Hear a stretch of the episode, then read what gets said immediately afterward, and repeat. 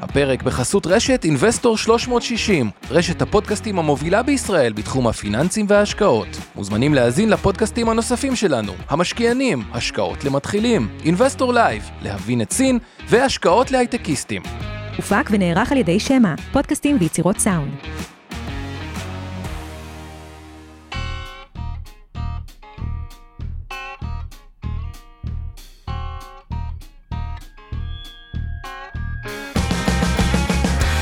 המשקיענים אבנר סטפק ועומר רבינוביץ' בשיחה חופשית על התחומים החמים ביותר בעולם ההשקעות.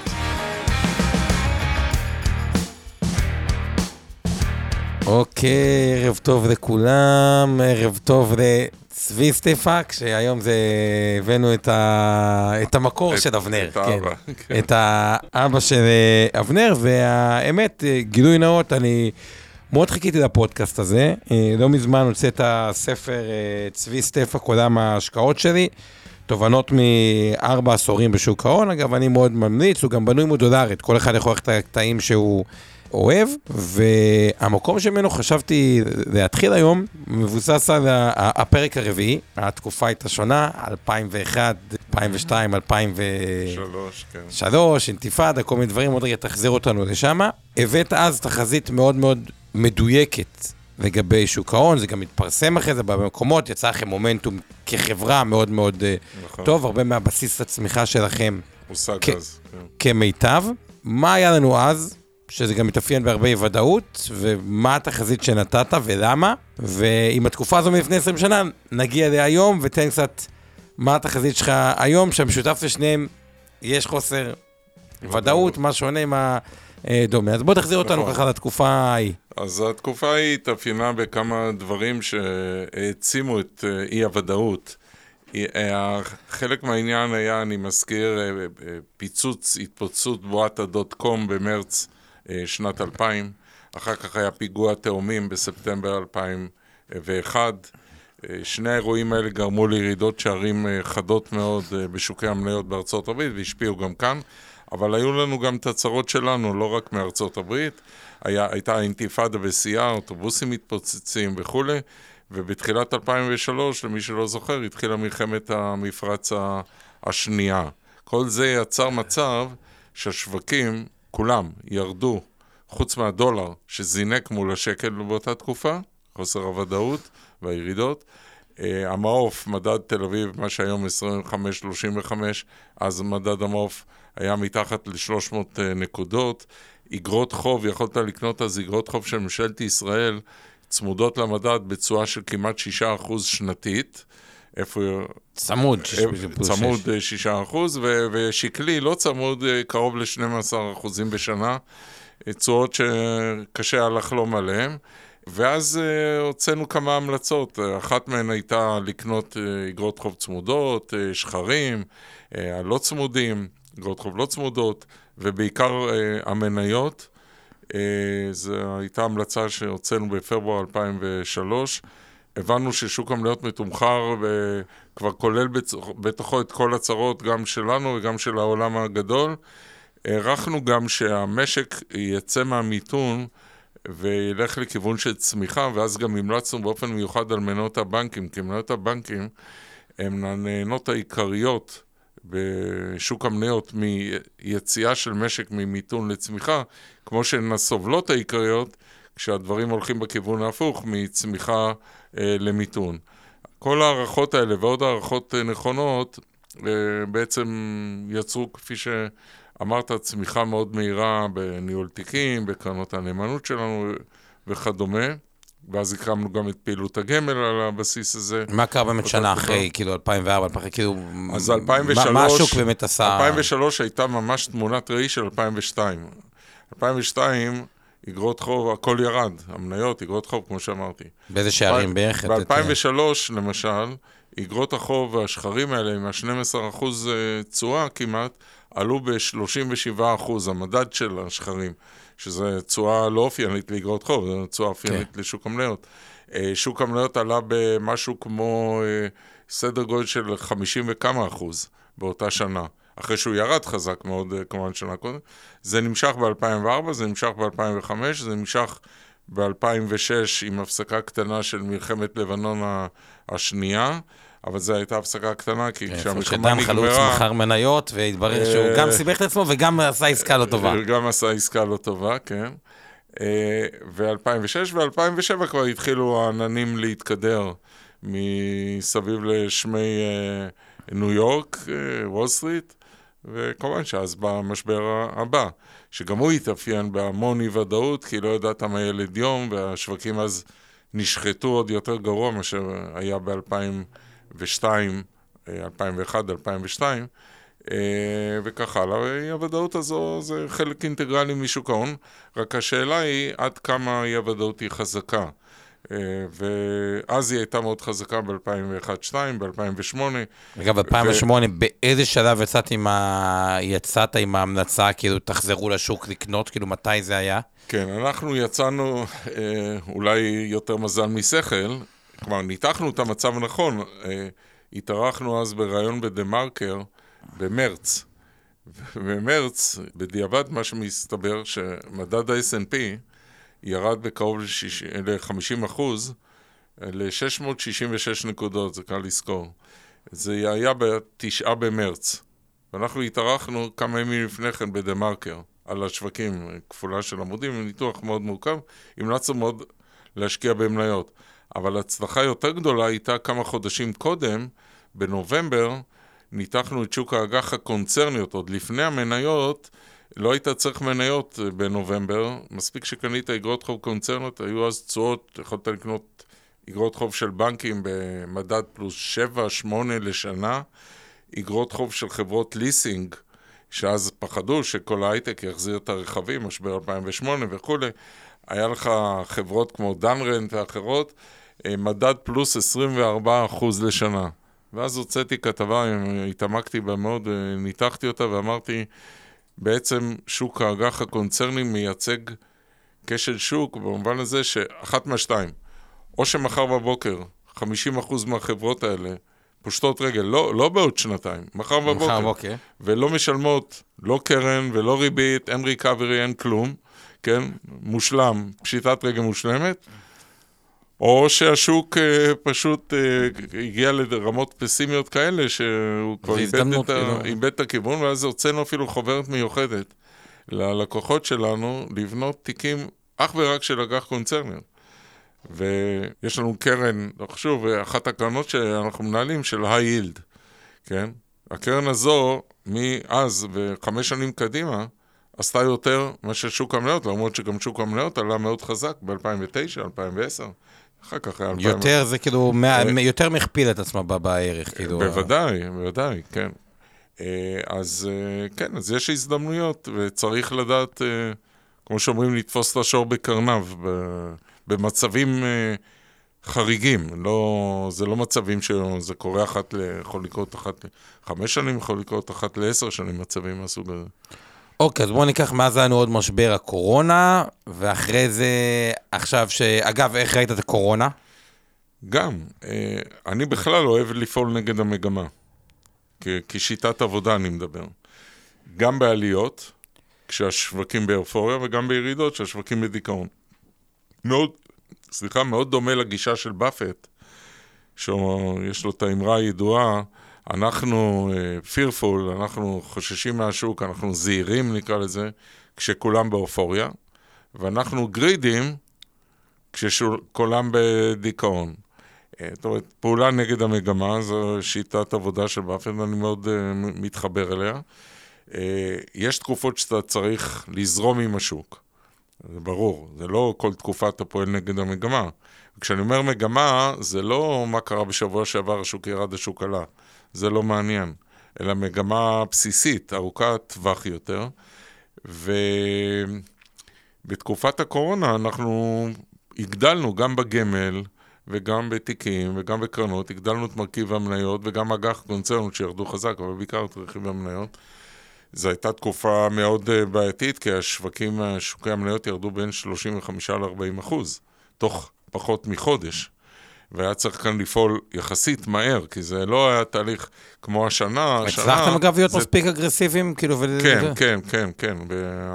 קופות הגמל שלנו, גם ב-2009, אחרי משבר 2008 וגם ב-2021, עשו את התשואות, ב-2021 עשינו את התשואות הכי גבוהות, חלק גדול מזה היה הגדלת אה,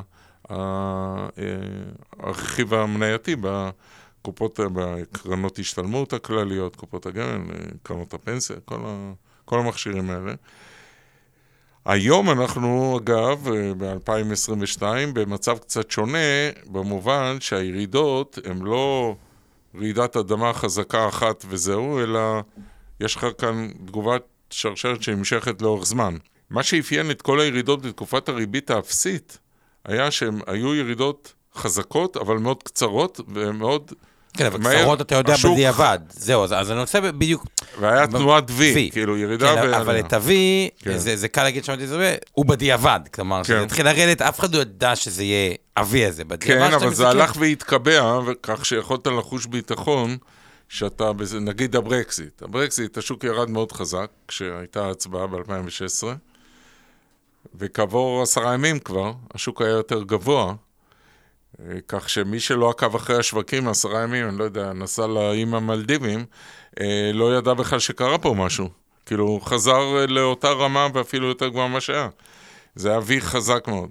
אותו דבר היה באוגוסט-ספטמבר 2015 בסין, משבר בסין, ואחר כך תגובה במערב וכולי. היום אנחנו בסרט אחר, כיוון שהעשור הזה של ריבית אפסית הסתיים, ברור לכולם שלפחות בטווח הנראה לעין הוא לא הולך לחזור.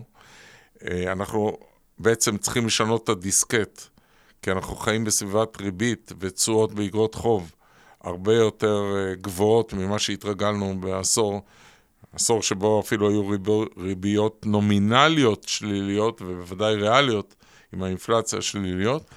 אז היום בעצם מה שקרה השנה זה שהשחקנים בשוק, בין שזה משקיעים פרטיים, בין שזה מנהלי תיקים אה, ואחרים, אה, עשו תהליך התאמה מדורג, עברו ממניות למכשירים אה, נושאי תשואה כמו אגרות חוב ממשלתיות וכולי. שניהם ירדו, גם אגרות החוב וגם המניות.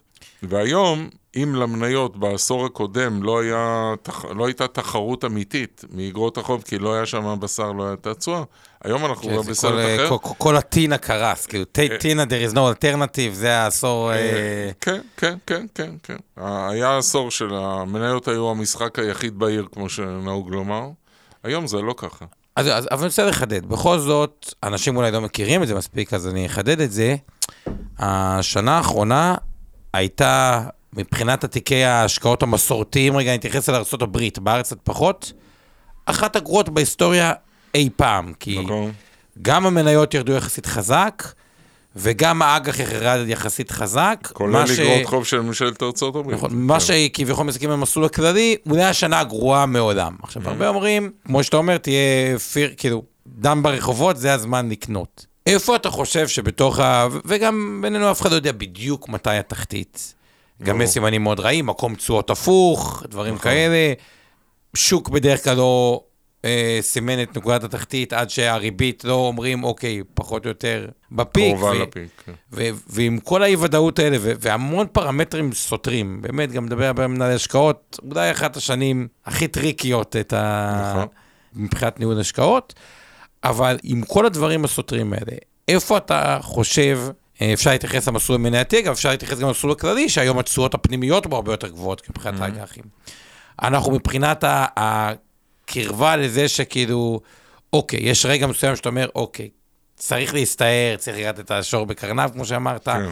איפה אנחנו בסקופ הזה, ולמה? ואני אשמח שתתייחס בצורה מתודית, מניות, אג"ח, או אם אתה מעדיף להתחיל, אג"ח אה, אה, מניות, תתייחס גם בתוך האג"ח, גם מאג"ח קונצרני, לעומת אה, כן. אה, אג"ח מדינה, וגם משהו שלא התייחסנו המון בשידורים, מח"מ. האם כבר הגיע הרגע, מי שלא... אה, לעבור למח"מ, להעריך משמעותית המח"מ, כלומר, לקבע אה, תשואה לטווח ארוך, או שמא אולי נראה כן. עוד קצת עליית תשואות, אז כן. תתחיל ממה שאתה רוצה אוקיי. בתוך הסקופ הזה. נלך פחות או יותר לפי הסדר. תראה, ליסט, קודם כל אין דם ברחובות. המצב היום הוא אי-ודאות מאוד גבוהה, אבל אי אפשר להגיד, אה, להשתמש בביטוי הזה לגבי המצב הנוכחי, אין דם ברחובות. זה לא 2008 שהמניות נשחטו, למרות שהם ירדו חזק, זה לא 2002, 2003, המניות נשחטו, 2001, 2002, וזה גם לא הקורונה של חודש ימים, השווקים ירדו 35-40 אחוז. המחירים עדיין לא זולים. עכשיו, מה זה מחיר של מניה בעצם? מחיר של מניה זה לא דבר שעומד בפני עצמו, זה דבר יחסי למה אני יכול לקבל בדברים אחרים. אז שהריבית הייתה אפס או קרוב לאפס, ברור שהשווקים נתנו ערכים גבוהים למחיר המניות. כשמול מחיר המניות והאפשרות לקנות מניות עומדות אגרות חוב עם תשואות אה, של כמעט 4% אה, לשנה באגרות חוב של ממשלת ארה"ב לעשר שנים, 4.5% אה, באגרות חוב של שנתיים-שלוש בארצות הברית, וגם בישראל, תשואות יותר נמוכות אמנם, אבל תשואות. כבר לא ראינו אותם הרבה שנים בישראל. כן, לא מזמן עשינו פודקאסט, התשואה לאג"ח ממשלת ישראל לעשר כן. שנים הייתה אחוז. כן, והיום היא משהו באזור ה-3 אחוז, קצת פחות אולי כרגע. אה, ואיגרות חוב ל-20 וכמה שנים אה, יש גם ביותר משלושה אחוז אה, שקלי, לא, כן, כן. לא צמוד. עכשיו, אז קודם כל אתה צודק שהמניות ירדו חזק, תלוי גם איפה, בישראל לא, בישראל ממש לא. כמעט שמדדי המניות העיקריים כמעט שלא ירדו, או ירדו קצת, מניות הבנקים לא ירדו, ירדו, עלו, בסך הכל לא, לא היה שם שום דבר מיוחד, אתה לא יכולת להרגיש שיש פה איזה משבר. אה, אבל נגיד בוול סטריט, הנסדק ירד בקרוב בין 25 ל-30 אחוז, תלוי איזה יום אתה מסתכל, ואגרות החוב הממשלתיות של ממשלת ארה"ב ירדו בקרוב ל-17-18 אחוז, אותו דבר בבריטניה, אותו דבר בגרמניה באגרות החוב אה, של הממשלות האלה, שאתה לא מצפה מאגרות חוב שירדו או יעלו בשיעורים כאלה חדים. אז המשקיעים קיבלו מכה כפולה. עכשיו אתה צריך אה, להעמיד את המניות מול האג"ח. אז אם מכפיל של 25 בחברות טכנולוגיה עם צמיחה היה סביר בשוק, או 30 אפילו, אה, בשוק של בו הריביות היו אפס ולא היה לך אלטרנטיבות, וחזית צמיחה מהירה דו-ספרתית בפעילות של אותן חברות, בהכנסות ברווח, יכולת להצדיק גם מכפיל של 30. היום גם מכפיל של 25 אתה לא יכול להצדיק, כי מול זה, אם אתה יכול לקבל לעשר שנים 4 אחוז, קרוב לזה. כן, וזה בממשלתי תמיד יזכרו. תמיד קונצרני אפשר להוסיף איזה 2 אחוז אה, באג"ח. אה, כן, נטפליקס נתנה 6.5, כן. אפילו מול ממשלת ארצות הברית. למה לי לקחת סיכון? לקנות מניה עם 25, מכפיל 25, אם יש לי 4 אחוז, זה אותו דבר, באג"ח ממשלת ארצות הברית, נאמר. אז אה, כדי, כדי להעדיף את המניות במחירים, במכפילים כאלה, אני לא אומר שאלה מכפילים, מכפילים כבר ירדו כתוצאה מהירידה, אבל אני צריך להאמין שהצמיחה של אותן חברות תימשך, למרות האינפלציה, למרות כל מה שקורה כרגע, למרות החששות מהעלאות ריבית ובעקבותם, בעקבות העלאות הריבית גם אה, התמתנות של הפעילות אה, במשק ופגיעה בצמיחה של אותן חברות וכולי וכולי. אז זה לא זמן להסתער על מניות, זה לא אומר שלא צריך להחזיק מניות. בגישה שלי צריך להחזיק מניות כמעט בכל uh, תנאי ובכל מצב. השאלה רק כמה, באיזה מינון. בלי לנסות לתזמן את השוק. אז יפה, אה, אבל גם אבנר מזכיר בפעמים מין רצועה, כן. לפעמים שאתה מרגיש שהשוק קצת יקר, בתוך נכון. הרצועה קצת להקטין. וזה. אז בוא נגיד סתם, יש בן אדם רצועה, נקרא לה בין 40 ל-60 אחוז, אוקיי? מניות? כן, שהוא מרגיש מאוד חזק על השוק הוא 60, שהוא מרגיש כן, קצת אז היום 40. הייתי יותר קרוב ל-40 מתוך... אתה uh, עדיין באזור ה... יותר קרוב ל-40 מאשר ל-60. 30-50, לא משנה. כן, כן. יותר קרוב לרצועה התחתית. עדיין אתה חושב שצריך להיות בחלק ה... כן, כיוון שיש המון אי-ודאות. זה המכנה המשותף. לא, אבל בדרך כלל גם יש פה סתירה, כי זאת אומרת, באי-ודאות, מה ש... זה גם כן. המחיר הזול. אה, כאילו, נכון, אבל זה עוד לא מיצה את עצמו. זה עוד לא מיצה את עצמו. לא מיצה את עצמו, כי הריביות לפי, האינפלציה לא תיעלם מחר בבוקר, והריבית, גם בארצות הברית, בארצות הברית, הערכה אישית שלי, יכול להיות שאני טועה, אבל זו הערכה שלי, גם אחרי ששמעתי את פאוול, והוא נשמע מאוד נחרץ לפני שבועיים, הריבית תגיע די בקרוב, לפי דעתי, לחמישה וחצי אחוז בארצות הברית. בישראל, הריבית עלתה אתמול ל-3.25, לדעתי היא תגיע די מהר ל-4%. אה, יכולת לשמוע את זה אתמול גם בריאיון שקיים פרופסור אמיר ירון, וגם המשנה, אנדרו אביר, המשנה ל... לירון,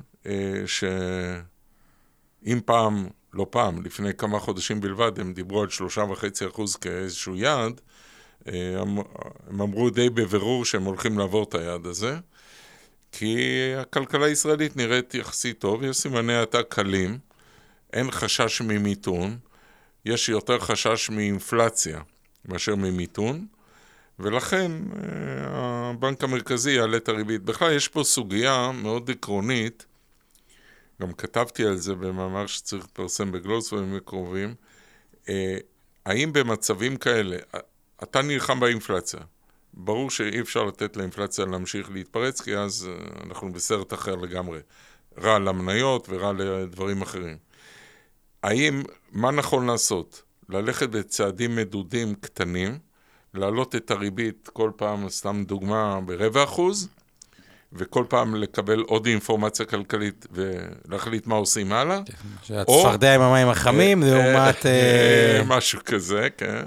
או להכות בברזל, כמו שאומרים, קשוחם, ולהעלות את הריבית אה, חזק.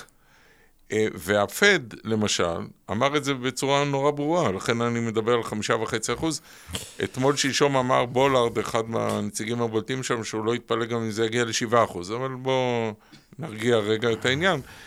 אה, הגישה שלי תומכת בפד. הפד טעה טעות מרה שהוא התחיל לטפל בזה באיחור, אבל מרגע שהוא טיפל בזה באיחור, היום הוא מטפל בזה נכון. הדבר הנכון לעשות זה לעשות יותר מדי, עדיף לעשות יותר מדי במצבים קיצוניים כאלה של היוודעות, מאשר פחות מדי. והפד, פאוול אמר את זה בצורה נורא פשוטה, הוא אמר, על האינפלציה, אם אנחנו נעשה פחות מדי והאינפלציה תצא לנו מה, מהשליטה, יהיה קשה מאוד לטפל בה. לעומת זאת, אם אנחנו נעשה יותר מדי, הוא ישתמש ממש במילים האלה, ונביא את הריבית לרמות יותר גבוהות, אז אנחנו מסתכנים לא באינפלציה, מסתכנים במיתון. מיתון, יהיה לי יותר קל, אמר פאוול, לטפל בו, מאשר באינפלציה שנהיית דביקה, בעיקר במחירי השירותים, פחות במחירי המוצרים. יהיה, יהיה לי הרבה יותר קל לטפל במיתון מאשר באינפלציה, לכן אני קודם כל רוצה למגר את האינפלציה.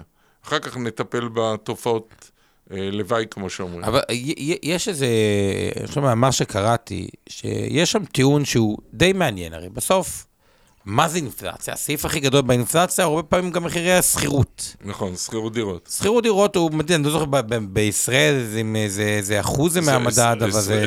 לא, בישראל מחירי הדירות לא נכנסים. לא נכנסים, אבל... מחירי השכירות הם רבע, בארצות הברית זה שליש. בוא נגיד את הדברים הרבה, יש דברים שהם בכלל לא בשליטה. איך זה ישפיע על השכירות? אז אני אומר ככה, יש דברים שהם בכלל לא בשליטה, נה, כאילו, מן הסתם, תחבורה שנובעת בין השאר מדברים אקסוגנים לגמרי, נכון. שאף נגיד לא נכון. בהכרח משפיע. ואז אני אומר את הדבר הבא, אוקיי, העלית משמעותית הריבית, מאוד מאוד מאוד הקשית על יזמים אה, לעבוד באותו הקצב, כי מן הסתם... רע ליזם לבנות הלוואת construction, כאילו הלוואות construction מאוד מתייקרות, המשכנתאות הרבה יותר יקרות, אז גם פחות קונים, נכון. אז הקרסת את ה supply, הקרסת גם את ה demand, כי בן אדם בארצות הברית ממשכנתה ב-2% וקצת, למשכנתה ב-7% וקצת, הקרסת את הדימנט, אבל יצרת בעיה עתידית יותר גדולה, כי כאילו, הדמוגרפיה, זה לא שעכשיו ההורים אומרים, טוב, אז אנחנו אה, מוותרים על הילד הנוסף, כי כן. יש העלאת ריבית חזקה, אז כאילו, אז מה בעצם עשו פה? כאילו, במקום... מה זה בדיוק פותר? כאילו, יצר, החמרת את בעיית ההיצע העתידית של נדל"ן, שהיא אמורה לפתור את בעיית השכירות, אז מה כל העלאות האלה כזה עוזרות? כן, זה נכון שבעקבות כל הקשיים שהרימו על אה, נושא הדירות, גם על הקבלנים וגם על רוכשי דירות, כמו שאמרת, אז יש הסתה מהרצון לקנות דירה כרגע לרצון לשכור דירה. שזה מחמיר את האינפלציה. צריך את קורת גג, זה מחמיר, כי מחירי הדירות, כמו שאמרנו, לא נכנסים למדד, אבל מחירי השכירויות כן נכנסים למדד. עכשיו, מ-2008, מחירי הדירות בארץ בממוצע, יש את הסטטיסטיקה של הלמ"ס, ויש סטטיסטיקה גם נוספת, עלו בין 160 ל-180 אחוז. מחירי השכירויות עלו בסדר גודל רק של 50 אחוז. עכשיו, איך אתה מסביר? כמובן שהתוצאה היא שמי שרכש דירה להשקעה, מקבל היום תשואה הרבה יותר נמוכה על הכסף שלו. תשואה שכירות כאילו יותר נמוכה. כן, התשואה לשכירות, שלא לדבר על כאבי ראש שמתלווים, לא חשוב. עכשיו, יש סיבה למה מחירי השכירות לא עלו באותו שיעור כמו מחירי הדירות. כי בדירות, אוקיי, היה לך הון עצמי מסוים, לקחת אולי גם מההורים, סבא, סבתא, לא משנה, וקנית משכנתה וקנית דירה. כי גם לא היה לך מה לעשות עם הכסף, בבנק קיבלת קדחת, לא קיבלת ריבית. נכון. אז אם היה לך כסף, אמרת על עצמך, אוקיי, אני אקח את הכסף, אשקיע בדירה, אקבל משכנתה בריבית נמוכה, מה שהיה אז נכון ולא נכון, נכון היום. עכשיו, מחירי השכירויות מייצגים בעיניי הרבה יותר את uh, הכוח של משק בית, uh, uh, היכולת שלו להתמודד, כי זה איזשהו אחוז מההכנסה שלו, כן? נכון. אתה לא תיתן את כל ההכנסה שלך לשכירות. אם, אם אתה מרוויח אה, נטו כמו שהשכירות שאתה צריך לשלם, אז אה, ברור, אתה בבעיה. ברור, ברור. אז מה אתה עושה במצב כזה? אתה הולך לגור עם ההורים אה, גם בגיל 25 וגם בגיל 27. אה, וזו תופעה, אגב, שהייתה בשנים... וגם באיטליה בגיל 35 ו-40. אולי גם שם ב... יותר, כן. אז, אז מה שאני אומר הוא, אז באמת, ההסתה הזו יוצרת כרגע לחץ אינפלציוני דרך המדידה של הלשכה, שמחירי השכירות עולים, והם מהווים רבע, כמעט רבע מהמדד. זה נכון, אבל זה זמני, כיוון שאני מאמין שמחירי דירות בשנה הקרובה, 2023, יתחילו לרדת, יתייצבו ויתחילו לרדת, ואז כן, כמו כלים שלובים. באיזשהו שלב, הציבור אחרי ירידה מצטברת של איקס אחוזים, שאני חושב שהיא לא תהיה מאוד קטנה, בוודאי לא ריאלית, זאת אומרת, במונחים ריאליים של אינפלציה. כן, גם אם האינפלציה היא חמש והנדל"ן זה אה, אפס, זה ירידה. אה, זה גם ירידה של קרוב לחמישה אחוז, כן. אז אה, אני חושב שאתה רואה את זה גם בחוזה השכירויות המתחדשים, שהעלייה, אם אתה גר בשכירות כבר, העלייה שבעל הבית נותן לך, אה, מקשה עליך, היא שלושה ומשהו אחוז. אבל אם אתה דייר חדש, דייר מתחלף, אז העלייה היא כמעט כפולה, שישה, שבעה אחוז. זה הולך, לפי דעתי, להיגמר בתוך כמה חודשים, העלייה הנוכחית במחירי השכירויות. ואתה צודק במובן הזה שהיכולת של בנק ישראל באמצעות הריבית רק באמצעות הכלי הזה, אה, לייצר מצב של אינפלציה... תיאורית עתידית, זה מחמיר את זה אפילו באיזושהי אה, נקודה, אה, כי זה מקטין את ה... כן, זה מחמיר, לפעמים אתה צריך לתת תרופה שמחמירה את המחלה, ואז, כן, המחלה יש לה פיק והיא חוזרת. זאת אומרת, הבן אדם חוזר לאיתנו, כמו שאומרים. אז זה תהליך... עכשיו, חלק מהעלאות הריבית גורם גם להאטה בשוק העבודה. שוק העבודה היום בישראל הוא מאוד הדוק. אנחנו רואים כבר איזושהי התחלה של סימנים, גם הנגיד התייחס לזה אתמול, אה, של האטה במשק הישראלי. המשק הישראלי זה לא אי בודד, אנחנו מוכרים אחוז גדול מאוד מהתוצרת שלנו יצוא לאירופה, אירופה במשבר. ברגע ששיעור האבטלה עולה, היכולת של אנשים גם לשלם משכנתה נפגע, כי הרבה אנשים ששני בני הזוג עובדים, נגיד, אה, קנו דירה, נכנסו להתחייבות ארוכת טווח, לא חשבו על המצב שבו אולי אחד מהם יפוטר. נכון. ואותו דבר נכון גם לגבי השכירות. אתה, מי שלא יוכל, ירד מדירה שהוא משלם 6,000 שקל אה, עם איקס חדרים לחצי אה, מספר חדרים, וישלם 3,000 או 4,000. אז מחירי השכירות, אגב, עולים גם כתוצאה מעלייה שישנה השנה ברוכה מאוקראינה, מרוסיה. אה, יש עלייה יחסית יוצאת דופן בהשוואה לשנים קודמות, בעקבות מלחמת רוסיה-אוקראינה וכולי וכולי. אה, אוקיי, זה ככה לגבי זה. בואו נעבור טיפה לאג"ח. מה הנקודה, האם הגענו לנקודה, שאגב, אני אשאל את השאלה הזאת כן, לא כן. מעט. מצד אחד, באופן, אגב, בממשלתי, הקצר נותן יותר מהארוך. נכון. אה, אבל שתי שאלות. אחד, ואני גם הסתכלתי באופן אישי, לא מזמן ראיתי, היה איזו תקופה, בדיוק היה איזה עוד איזה פיק ככה ב- ב- בירידה. פתאום אג"ח של חברה כמו נטפליקס, ארוכה יחסית, אה, בינונית, שש שנים, שבע כן. שנים, פתאום נתן קרוב לשבע, אוקיי? ובוא נניח גם פיקדון דולרי לשנה, אה, דיברו על זה שהוא באזור השש, אבל... אומר שמע, האם נכון לי כבר להתחיל לקבע, כאילו, ממש להעריך מח"מ, כלומר, Mhm. לקבע תשואות כאלה, כי יכול להיות שאינפלציה, אינפלציה, אינפלציה, ויש איזה תרחיש, שבעוד שנתיים מהיום הריביות כבר לא יהיו איפה שהם היום, יהיה מיתון. וירדו, כן. וירדו, וכבר לא יוכל לזה. כלומר, הגענו לנקודה הזאת, או שהמרווחים עדיין לא כל כך נפתחו, ואנשים עוד יראו את הדוח סוף שנה שהם יקבלו הלם ועוד ימכרו אג"חים. כן. איפה אתה רואה את סוגיית המח"מ? אה, אני, אני בעד ל... תראה, מכיוון שאי אפשר לתזמן לא את שוק המניות ולא את שוק איגרות החוב, כן? אנחנו לא יכולים לתזמן את השווקים האלה, אז ההיגיון פה הוא לפעול בצורה הדרגתית. אה, זה נכון גם לגבי מניות, זה נכון גם לגבי איגרות חוב. היום יש לך איגרות חוב בארצות הברית אה, שמדורגות דאבל איי, דאבל איי בארצות הברית, דירוג חזק, שנותנות לך תשואה של 6% ל... לכמה שנים טובות. אז זה בהחלט רעיון נכון לקבע תשואות לטווח ארוך, כי אף אחד לא מבטיח לך שהתשואות האלה, תוכל להשיג אותן, כמו שאתה אומר, בעוד שנתיים. כי בעוד שנתיים, אם, אם יהיה מיתון, נאמר שתהיה האטה משמעותית, אני לא שותף כל כך לתחזית הפסימית הזו, אבל נניח שכן, אז הבנק המרכזי בעוד שנתיים יוריד את הריבית, והאגרות חוב האלה ייהנו מהמנוף, מה שנקרא, של התקופה הארוכה שלהם. אז בהחלט, מצד שני, אתה רואה עדיין, אגרות חוב... בבקשה? אבל אתה רואה את הסצנריו, מצד שני, את הסצנריו שברמה הטקטית, בן אדם אומר, אולי אני יכול בעוד כמה חודשים, או, או כן, ככל אבל- שעליית הריבית תימשך, אולי לקבע את זה בנקודת זמן שהיא אה, קצת יותר נכונה. אז אני אומר, אז התשובה היחידה שאני יכול לתת זה לעשות את זה בצורה הדרגתית. אוקיי, אתה מייעד 100 אלף אה, שקל, מיליון שקל, לא משנה, לאגרות חוב של פירמות בארצות הברית נגיד, תקנה היום ב-300-400 אלף, תמתין. היה ויהיה לך הזדמנויות עוד יותר טובות, לא 6% אלא 8%, תגדיל אז. אה, אי אפשר אה, בדיוק לתפוס את זה בנקודה מדויקת, ואף... אמרתי שאני אוהב לפעול נגד המגמה, אבל אני לא מנסה לתזמן זה לא אפס או אחד, אלא זה אה, הכל נכון, רצועות. זה- ו- ו- ובצורה הדרגתית לעשות את המהלכים האלה.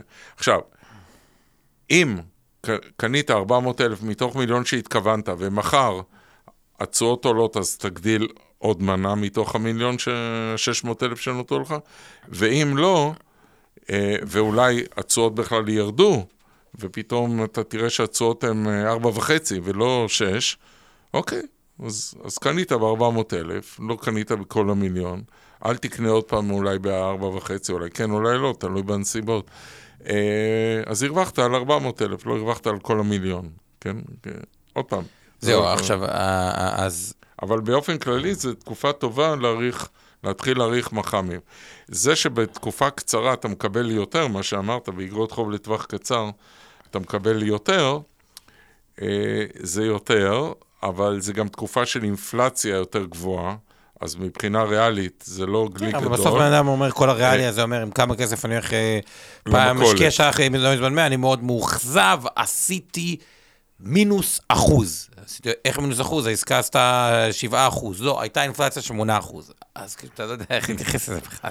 כן. כאילו, הוא מודד אותך ככאילו, זה זה. אה, בסוף אם כן. היית שם לכסף בבנק ולא עושה כלום, היית ב... כן. אה, זה אבל...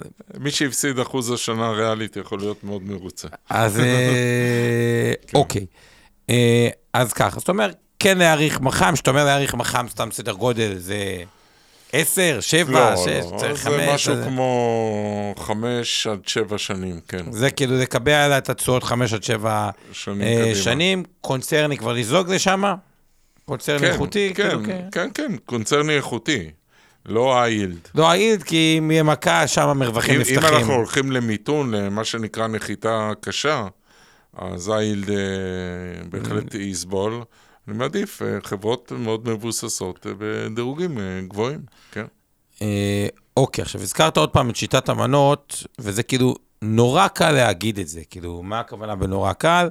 אה, תקנו בחלק, ואם לא. איפה הבעיה עם מה שאתה אומר? ובגלל זה אני רוצה טיפה אפילו... אוקיי. בן אדם צריך להיות יותר אגרסיבי או פחות אגרסיבי. אה, בוא נגיד, בן אדם יש לו מיליון שקלים, לצורך העניין, והוא אמר, אוקיי, אני אעשה רק בחצי, הוא רוצה חצי מהכסף מניות ממה שתכננתי וחצי אג"ח. אז הוא קנה עכשיו אג"ח ב... אה, ומניות ב-500,000 שקל.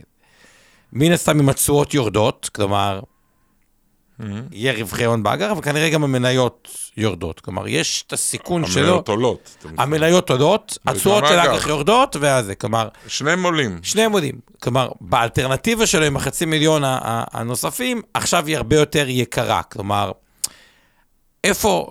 אבל ניצלת, אני לא הבנתי, קנית... לא, אז אני אומר את הדבר הבא. לא אני, ניצלת את כל המיליון? בסוף... קודם כל, האמונה, האמונה, בדיוק, לאורך זמן כנראה שלא להיות מושקע עם חלק גדול מהכסף היא אסטרטגיה מפסידה. כן. כלומר, אתה צריך להיות מושקע כן, עם, רוב נכון. ה... עם רוב הכסף נכון. ולחפש את האפיק הטוב ביותר. אה, עכשיו, בתקופות כאלה של ירידות, שאתה יכול לקבע, לא תקבע, או לא תיכנס לשוק, אז אתה עלול למצוא את עצמך במצב שהרבה כסף לא עובד, נכון. ואתה מוצא את עצמך בעוד שנה עם מחירים יותר יקרים, גם של אג"ח, גם של מניות, ואז... נכון. לכן צריך לעשות כבר מהלך היום, חלקי. עכשיו, אם לקנות, כמו שאמרנו... לא, בתור החלקיות הזאת, בן אדם בדעתך, נגיד יש הכסף, צריך להיות... זה חלקיות 90 אחוז מושקע ו-10 אחוז מזומן, 80 אחוז, כאילו, עד כמה... אחוז המזומן, תראה... כאילו, או, או, או בכלל, הגישה שלך לגבי מזומן, הגישה שלי אגב, אני חושב שמזומן, להוציא מקרים מאוד מסוימים, שבה מרגיש אה, מחירי בועה, כלומר, אה, ואפשר היה לחוש את זה נגיד בהייטק, מכפילי מכירות 40, mm-hmm. זה היה מוזר, או אג"ח בצורת אחוז, כן. זה מוזר. זה יוצאים מחירי בועה, כמעט בכל רגע נתון, עדיף להיות, האסטרטגיה ה- ה- היותר נכונה היא להיות כמעט fully invested, ובתוך ה-fully invested חפש את האפיק ההשקעה כן. הטוב ביותר, אלטרנטיבי, אג"ח, מניות, קונצרני, mm-hmm. לא משנה מה, כי אחרת מאבדים את זה. לעומת כן. האסטרטגיה של כאילו לנסות יותר כאילו ת, תזמון, כאילו סתם, כן. מעניין אותי ה...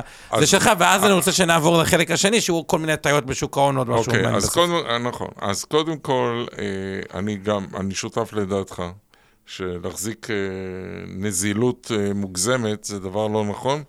כי אתה צריך להיות מושקע, אמרתי מקודם, אתה צריך להיות מושקע בשוק המניות כל הזמן, השאלה היא רק באיזה רצועה מתוך המדיניות שלך. ואותו דבר נכון אה, לאג"ח. אבל היום דווקא, לתקופת זמן מוגבלת, הסכנה כאן שבן אדם יתעורר מאוחר מדי, אבל לתקופת זמן מוגבלת, זה כן נכון לשבת באחוז מזומן יחסית גבוה. כשאני אומר מזומן, אגב, זה לא בדיוק מזומן. אתה יכול היום לקנות קרן כספית, למשל, ולקבל עליה תשואה אה, נטו, אה, אחרי מס, של שלושה אחוז, אין עליה מס בכלל, כן, כספית, אין לך מס, אה, כי בעצם זה 25 אחוז, אתה מוגן, כן. נכון, אתה מוגן, יש לך את הגנת האינפלציה, והאינפלציה כרגע יותר גבוהה, אז uh, אתה יכול לקבל נניח את השלושה, שלושה ומשהו אחוז עכשיו אחרי העלאת הריבית האחרונה, פטורה ממס, וזו השקעה נזילה, אתה יכול למכור אותה כל יום ולעבור לאיזה אפיק שאתה רוצה. אני הייתי אומר היום שזה לא חטא גדול לשבת במצב הנוכחי אה, ב-15-20 אחוז בקרן כספית, או אפיק דומה לזה, נזיל. ולראות אה, התפתחויות. ולהמתין, להמתין, פשוט לראות איך השווקים מתנהגים. תראה, הייתה ירידה חזקה בשוק המניות האמריקאי, אה, שהתחילה ב- באפריל, מאי, אחר כך הייתה עלייה חזקה, שוב ירידה, ושוב עלייה בתקופה האחרונה, בעיקר מאז שפורסם המדד, שהיה נמוך מהציפיות בארצות הברית, שזה גם כן אבסורד, זה סוג של אבסורד, זה מראה... השוק מתנהג כרגע, שוק המניות האמריקאי, בעיניי, מתנהג כרגע בצורה של, אה, לא רוצה להגיד, חצי שיכור. אה, אדם, זה שוק לא בריא, ההתנהלות שלו היא לא, היא לא התנהלות אה, נורמלית בריאה. מעבר אחרי פרסום המדד אה, הנמוך, מדד הנסדק באותו יום עלה ב-7.5 אחוז. זה, היה... זה מטורף. אה, ו- וככה גם ה-S&P עלה פחות, לא חשוב. זה לא תגובה נורמלית של אה, שווקים, זה סוג של תגובה שאומרת אולי שהשווקים רוצים לעלות, ומחפשים סיבות טובות, כאילו, את, את הדברים האופטימיים.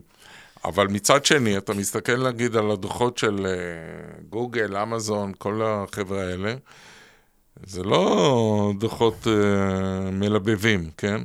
אז נכון, המניות האלה ירדו בין 30 ל-60 אחוז לפעמים, טסלה ועוד מניות, לא משנה.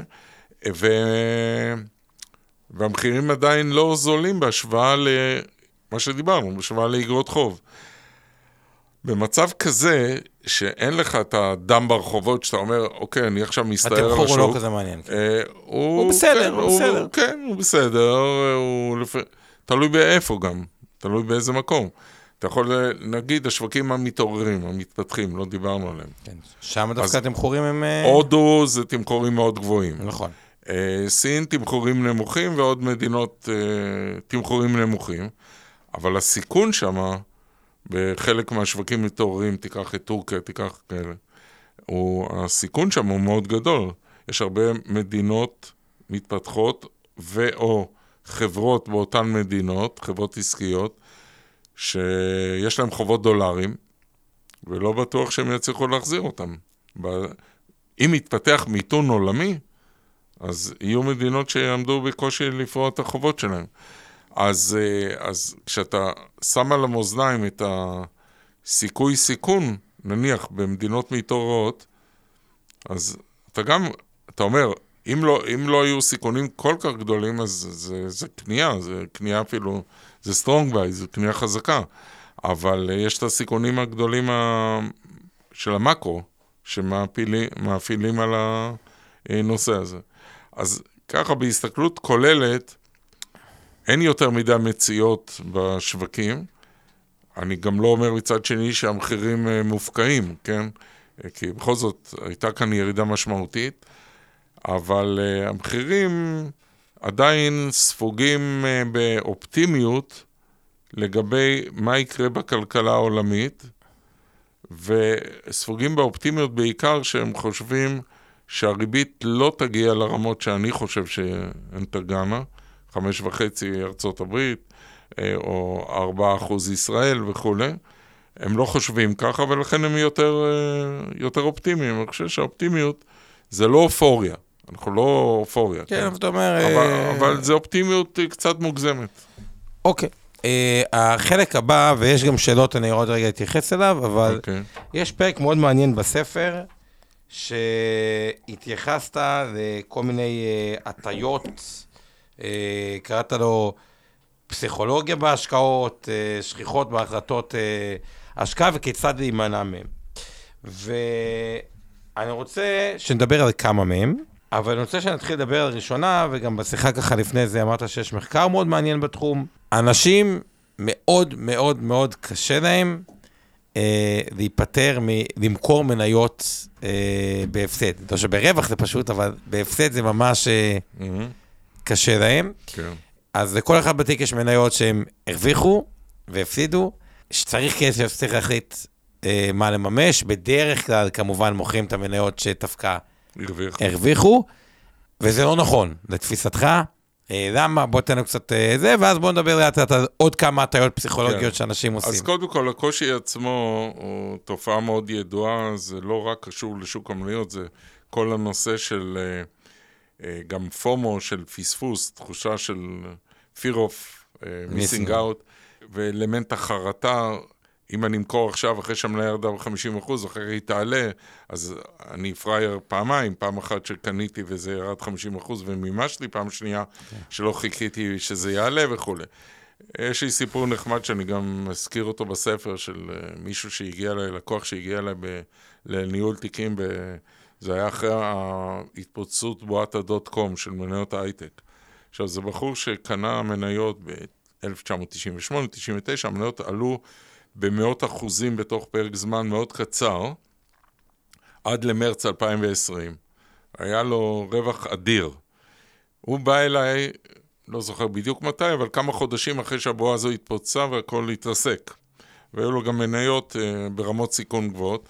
ורצה שאני בא לבקש שננהל לו את התיק השקעות. ואז אה, שאלתי אותו, כאילו, מה אני הולך לעשות עם המניות האלה? כאילו, אתה קנית אותן, זה לא מניות שאני מחזיק, נגיד, ואין לי מושג מה לעשות איתן עכשיו, אחרי שהמחירים התרסקו לגמרי. אז הוא אומר לי, לא, לא חשוב לי בכלל, אני רוצה שתחליט מה שתחליט, אני לא רוצה להיות זה שימכור את המניות. ממש. לקח אותך כקבלן... אה, אה, כקצב. אני צריך, כן, התחושה שלי הייתה... מה, זה מזכיר גם אחרי זה סיפור? לקצבייה, שאני אשחוט את בעל החיים הזה. לא הוא, הוא לא רוצה... כן, הוא לא רוצה זה. לא רוצה לגעת בזה. עכשיו, יש פה... אה, ברגע שאתה ממש נייר ערך בהפסד, אתה לא יכול להגיד כבר מה שהרבה אנשים אומרים, שכל עוד אני לא מוכר, לא הפסדתי. זה משפט שמעתי אותו עשרות פעמים. כן, כן, כן. אה, קניתי ב-100 אלף שקל, עכשיו זה שווה 50 אלף שקל. אבל מה, לא מכרתי, אז לא הפסדתי. נכון. אין חיה כזו. הפסד על הנייר והפסד ממומש זה אותו הפסד בדיוק. אה, ואנשים, מה הם אומרים בדרך כלל, וגם את המשפט הזה שמעתי עשרות פעמים, אני אחכה עד שהמחיר המניה יחזור כן. למחיר שלי. רק המשפט הזה, מה, הוא, מה בעצם הוא אומר? הוא, זה משפט אמוציונלי, זה לא משפט רציונלי. קודם כל, מי אמר שהמניה תחזור לשם? דבר שני, אולי כדאי לך למכור את המניה, ולמכור מניה, ולקנות מניה אחרת כן. יותר טובה, שאיתה תחזור לכסף שהיה לך אה, מקודם. למה להידבק? ודבר העיקרי, אוקיי, יכול להיות שעשית טעות, יכול להיות שלא עשית טעות. באותו רגע שהחלטת, ראית נתונים מסוימים, בינתיים קרה משהו בחברה, המניה ירדה.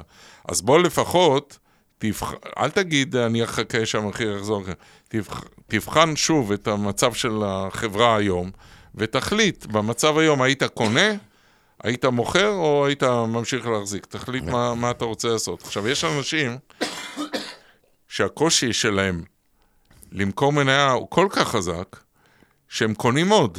זאת אומרת, הם... דאבל דאון. מה? כן, הם עשו averaging down כזה, שלפעמים נכון לעשות, לפעמים לא, אבל הם, הם לא קונים בגלל שהם עכשיו, הם אומרים לעצמם, הם קונים כי הם אומרים לעצמם, אם קניתי את זה בשקל והיום זה חצי שקל, אז אה, יעני יותר זול. אז, אז אם זה היה נכון, אם זה קניתי בשקל אחד, למה לא לקנות בחצי שקל? מציעים לי את זה עכשיו בחצי שקל. עכשיו, ברגע שהם קונים, נניח שהשקעת 100 אלף שקל כשהמחיר היה שקל, והשקעת עוד 100 אלף שקל, כלומר קנית עוד 200 אלף מניות בחצי שקל, הבן אדם מסתכל על זה עכשיו, כאילו הוא לא הפסיד 50% משקל לחצי שקל, הוא קנה במחיר ממוצע של 75 אגורות, כי פעם אחת... אז הוא מופסד פחות. הוא הפסיד שליש, מ-75 ל-50 זה... פסיכולוגית הוא הפסיד פחות. עכשיו, אבל עם האחוזים האלה אתה לא הולך כן, למכולת, אתה הולך עם הכסף. עכשיו, אם עשית טעות ולא בדקת וקנית רק בגלל שזה ירד, וזה ימשיך לרדת, אתה תמשיך להפסיד. אז אנשים בדרך כלל מוכרים מניות כשהם צריכים כסף, באמת כמו שאמרת, כשהם מרגישים אה, שיש רווח, זאת אומרת שהם רואים שיש רווח, וזה נותן להם תחושת סיפוק, הפוכה מהתחושה של הפראייר. אז תן את אותו מחקר, כי סיפרת את כן. המחקר המאוד מאוד מעניין. היה מחקר גדול מאוד לפני הרבה שנים בארצות הברית, לקחו 30 אלף סדר גודל של תיקי השקעות של אמריקאים, ובחנו, כשהבן אדם היה צריך משהו לשיפוץ הבית, או קניית מכונית חדשה וכולי, מה הוא עשה, מה, מה הייתה הפעילות שלו. ואז התברר שב-95% מהמקרים, אנשים העדיפו למכור מניות שהיה להם רווח, ולא הפסד. כן? אז בסדר, אוקיי, זה עוד לא אומר שום דבר. אז זה אומר רק מה שאנשים מעדיפים למכור במצבים שהם צריכים כסף. אבל הלכו ועשו עוד מהלך. בדקו אחרי שנה, שנתיים, לקחו כמה תקופות, מה קרה למניות שהם מכרו ברווח, לעומת מה קרה למניות שהם לא מכרו בהפסד, שהם יכלו למכור ולא, החליטו לא למכור מהסיבות הידועות. ואז התברר שהמניות שהם מכרו ברווח, עשו תשואה עודפת על המניות שהם התעקשו לא למכור בהפסד. יכול להיות שגם המניות שהם מכרו ברווח ירדו, אבל הם ירדו פחות מאשר המניות כן. האחרות. להפך בעלייה, כן? אז זה, זו הטעיה פסיכולוגית שגורמת נזק להמון אנשים. להמון אנשים, זהו, בגלל זה זה התעכב על זה, אני רוצה להרחיב רגע ולהסביר את זה מעוד כיוון של דינמיקה, את הנושא של למה לאו דווקא למכור את המניה ש... אה, את המניה שהפסידה, כאילו למה למכור דווקא את המניה שהפסידה ולא את המניה שהרוויחה. כמובן שזה לא כלל. אה, נכון, לא, אבל תחשבו על זה בצורה הבאה. כן. יש לכם, על מניות זה נורא קשה, אבל כשאתם משקיעים במניה, אל תשכחו דבר אחד, אתם משקיעים בהנהלה. אתם לא משקיעים במניה, אתם משקיעים בהנהלה, בחברה עם הנהלה. עכשיו, תחשבו על זה כשני חברים שיש לכם. חבר אחד אה, הצליח טוב ב, בקריירה, במשהו, ב, ב, ב, ב, אז עשה משהו נכון, חבר שני לא, אוקיי? אז האם העסקה הבאה תלכו עם הבן אדם שעשה יותר טוב? כלומר, סתם, בא ליזם, ראיתי באמת חמש עסקאות, תחום, לא משנה, זה ה shopping center, בכולם הוא 100% מאוכלס. הסיכוי שבעסקה השישית הוא יהיה 100% מאוכלס, הוא גבוה ממישהו שכאילו חמש פעמים ה shopping center שלו פשט את הרגל, כאילו, אני כן. טיפה מקצין. עכשיו, איכשהו, בהקשר של מניות, אין את הקשר הזה שכאילו משקיעים בהנהלה, באנשים בסוף. Mm-hmm. אז יכול להיות שבאמת המניה ירדה, ההנהלה התחלפה, זה נקרא distressed, כאילו turnaround, והסיטואציה שונה ורק מקבלים את המחיר הזול. אבל בדרך כלל זה לא המצב. אוקיי, דוגמה אגב מאוד מאוד טובה לזה, אה, תמיד אומרים, אה, אה, אגב, עוד משהו לגבי הטיית הגדולות, יש מחקר מעניין משנת 2000, הסתכלו על, על מי החברות הגדולות אז ומי החברות הגדולות היום. וכאילו, תכלס, חוץ ממייקרוסופט, כל החברות די פיקששו. אבל שימו לב, גם משהו מדהים במייקרוסופט.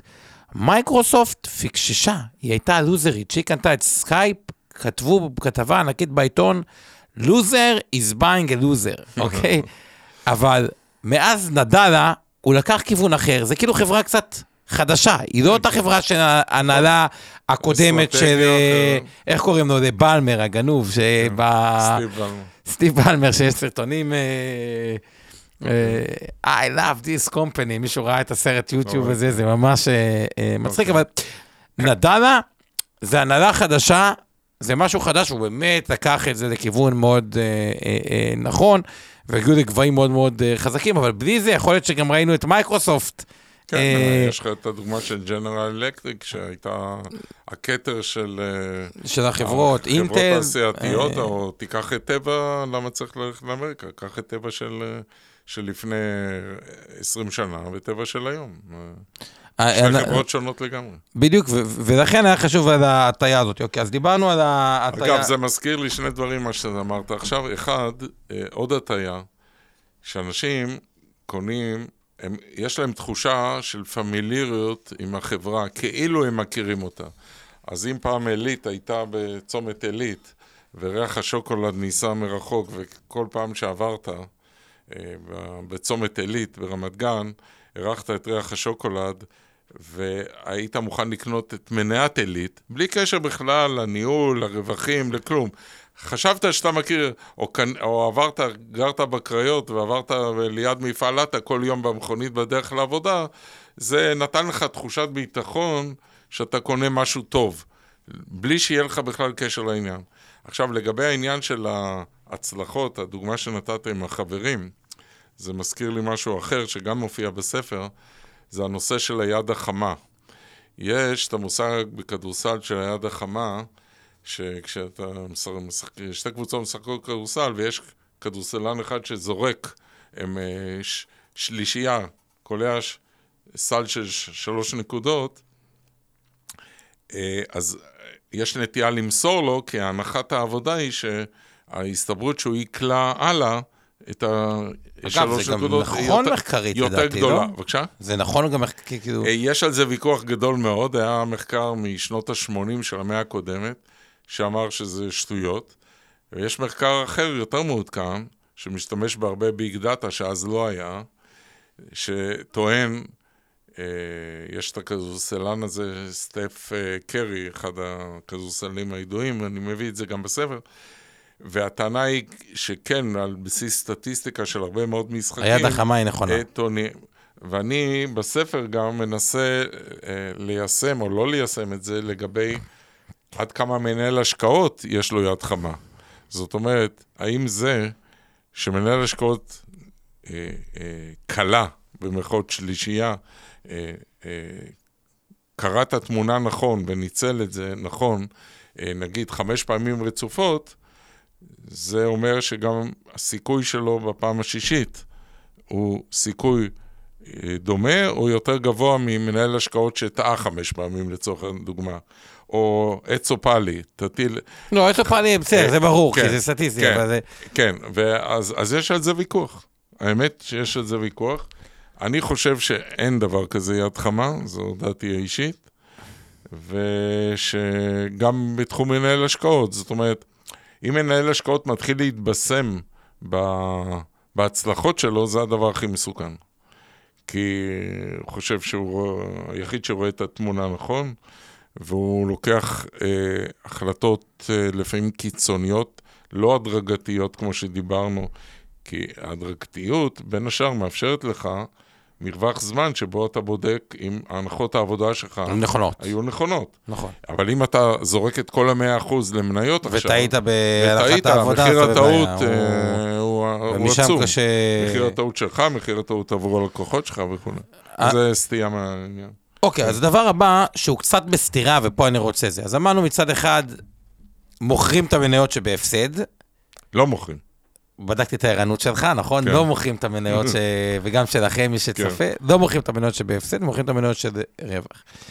מצד שני, אתה בא ואתה אומר, יש עוד הטיה שהימנעות ממימוש רווחים, שהיא טיפה עומדת כביכול, אה, בסתירה. יכול להיות אה, אה, כן. אה, בסתירה. כלומר, אחד הדברים הכי טריקים למלא, ואני, האמת, אם לא היה לנו מלא לקוחות שהם דווקא מההייטק, וההייטק... Mm-hmm. הוא אזור שמאוד עלה, ואני נתקלתי איתם, האמת נורא אהבתי את הסיפור עם ה... עם הבועת הדוט עם השוחט, לא. השוחט, כן, קח, כן, תעשה מה שאתה רוצה, כן, אותו דבר, הם...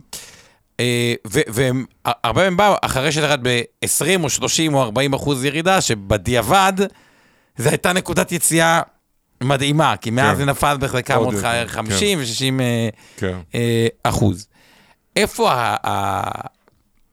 איפה מגיע החלק שאתה אומר, אוקיי, תממשו, תממשו אגרסיבי, מימוש חלקי, כי כאילו, איפה עוברת הנקודה הזאת בין... כן. זה תתרן, אה, או תיתן, אתה אומר, גם עקרון החברה עושה טוב, לבין אני כן. מממש... ויש פה סיכון, כי אחד המשקיעים, אני רק רוצה להגיד את זה, אחד ה...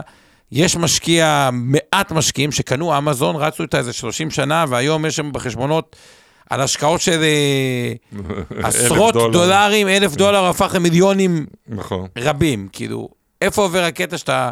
והשקעות זה גם לטווח ארוך, כאילו... איפה עובר החלק הזה? אני אשמח שתרחיב על ה... אז לגבי מימוש, אה, לממש ברווח, אין סתירה אמיתית בין חוסר הרצון לממש בהפסד לבין חוסר הרצון לממש ברווח. למה? כי לממש ברווח זה לא... אתה כן מממש ברווח מניה ספציפית, כי יש לך סיפוק מזה, אמרתי את זה מקודם. הבעיה היא שאתה קופץ ממניה אחת למניה שנייה. אתה מממש מניה אחת ברווח, ואתה לא יוצא מהשוק או מגדיל את המזומן שלך, מחכה להזדמנויות, אלא אתה קופץ למניה שנייה, מניה שלישית, וכל פעם שאתה מרוויח, תחושת הביטחון שלך שאתה מומחה, היא מתחזקת כמובן, ואז אתה מגדיל את סכום ההימור, כמו ברולטות וכולי, כי אתה בטוח שעלילת המזל או השכל או, או הידע לצדך, ובסוף אתה מפסיד. עכשיו, יש מצבים של בועה, או קרוב לבועה, ויש סימני היכר לבועה שמתקרבת. אני גם כותב על זה בספר. כתבתי בזמנו מאמר גדול לדה-מרקר על הנושא של בועות, אה, ניתוח היסטורי של כל הבועות שהיו פיננסיות אה, בעולם, אה, מהמאה ה-17, 16-17. ויש סימני היכר, שאתה יכול לראות אותם, שמשתנים מבועה לבועה, אבל יש סימני היכר שבעיקר אתה יכול לראות אותם דרך התנהגות המשקיעים. אחת, ה, אחת התופעות הכי חזקות בשוק המניות, ואגב זה גם בשוק הנדל"ן, בדרך כלל אומרים שמחיר של מוצר אה, כשהוא נהיה יותר זול, קונים אותו יותר. כשהוא מתייקר, קונים אותו פחות. מניות, הציבור עט עליהם דווקא כשהמחירים יותר גבוהים, לא כשהמחירים זולים. נכון, בגלל זה תשואת המשקיע נמוכה דרמטית מתשואת השוק. נכון, נכון, ויש הרבה מחקרים על זה, גם בגלל שהמשקיע אה, מסתער עליהם ברמה שהם גבוה, המחירים גבוהים מאוד, וגם בגלל שהוא מסתער, יוצא, קונה, מוכר, חוזר הלוך חזור ומפסיד אה, גם תקופות טובות ש, שהוא לא היה בשוק בכלל כי הוא פחד. ומתי הוא חוזר לשוק? כשהשוק עולה כן, והוא מקבל ביטחון כן. שהכל עכשיו בסדר, ואז... וגם כן, היו לי לא, מקר... לא מעט מקרים ששמעתי משקיעים, אני בחיים לא חוזר לבורסה. ואחרי שנתיים אני פוגש אותו, והוא מתלונן שהוא חזר לבורסה והפסיד עוד פעם. אז זה, כן. זה מסוג הדברים האלה שכן... מנהל השקעות הוא גם פסיכולוג במידה לא קטנה, זה נכון. מה שבעצם זה אומר, כן? אה, כי, כי המשקל של אמוציות של משקיעים הוא כל כך גדול, שאם אתה לא עומד על המשמר ויודע לרסן אותם, זה בעיה. אחד הסימנים, אגב, של בועות, ואני כותב על זה גם בספר, וקרה לי כמה פעמים, שזה שירת אותי בראייה של השוק, אה, זה שמשקיעים שהם מאוד סולידיים, נגיד משקיע שאתה יודע, הוא 15-20 שנה לקוח שלך, והמדיניות שלו מעולם לא השתנתה, והוא היה 25% מניות לא יותר. פתאום בא ואומר לך, תשמע, צבי, אולי כדאי להגדיל את המניות ל-50% מ-25. שמעתי שהשכן שלי, החבר שלי, הרוויח הרבה יותר ממני. כמובן שהוא הרוויח יותר ממנו, כי השוק עלה עד אז. אה, זה סימן שהכסף האחרון כבר עומד להיכנס לבורסה. כי הכספים של אלה שכל הזמן בבורסה, אוקיי, אבל כסף סולידי של אדם שלא אוהב סיכונים, בא ואומר, מתחיל להתפתות, כי הוא שמע ממישהו אחר שמרוויח יותר ממנו, זה סימן שהכסף האחרון שיכול לזרום לבורסה, אכן הולך להיכנס לבורסה, ואז יש את הבום, את הפיק הזה, ואחריו השוק מתרסק, וכמובן כולם בורחים ממנו. אז יש כל מיני סימני זיהוי לבועה וכאלה, זה, נתתי רק דוגמה אחת. אז בכל זאת, מתי כן? מתי כן נממש? כאילו... תראה, באופן כללי, הייתי אומר ככה, אם אני שופט לגבי עצמי לפחות, כמנהל השקעות, לי קל הרבה יותר לפעול בתקופה של ירידות אה, נגד המגמה, מאשר בתקופה של עליות, אני חושב שזה נכון לגבי כולם. כלומר, יותר קשה למנהל השקעות, גם לבן אדם מהיישוב, לממש ב... אה, לממש ולעבור למזומן, אתה אומר. כן, ממש. כן, כמובן לצאת מהשוק, מה זה לצאת? להקטין משמעותי. כן. לא לצאת, כי אני אומר, צריך להימצא בשוק חוץ ממצבים מאוד חריגים, אבל של לרכז האחוז. יותר קל לקנות מניות בירידות, מאשר למכור מניות אחרי עליות גבוהות, כי אתה כמנהל השקעות שעובד עבור הלקוחות שלך, בראש שלך זה ש... אם אתה בחשיפת יתר והשוק ממשיך לעלות, ובדרך כלל ממשיך לעלות, אתה... אה, כן, והלקוח אומר, למה מכרת, קנית לי ב-100, מכרת ב-200, אבל עכשיו המניה 400, אז מה מיהרת למכור ב-200? אה, כאילו... וזה גם התרחיש שקורה המון פעמים. שמקצועית, כן, אתה יודע שמקצועית עשית כן נכון. אבל מומנטום זה אה, מומנטום. בדיוק, המומנטום... אחרי 400 זה יבוא, גם יכול לחזור ל-150-100, אבל באותה נקודת זמן זה 400. אז למה מכרת ב-200, כן? כאילו שמישהו יודע להגיד בדיוק אה, מתי יהיה הפיק ומתי יהיה התחתית. זה ברור שהניסיון גם, עצם הניסיון לתזמן את השוק גורם נזק. לכן מאוד מומלץ לפעול בצורה הדרגתית. אז אתה אומר, בסוף, מימוש, כאילו, בסוף זה חוזר לאותה אה.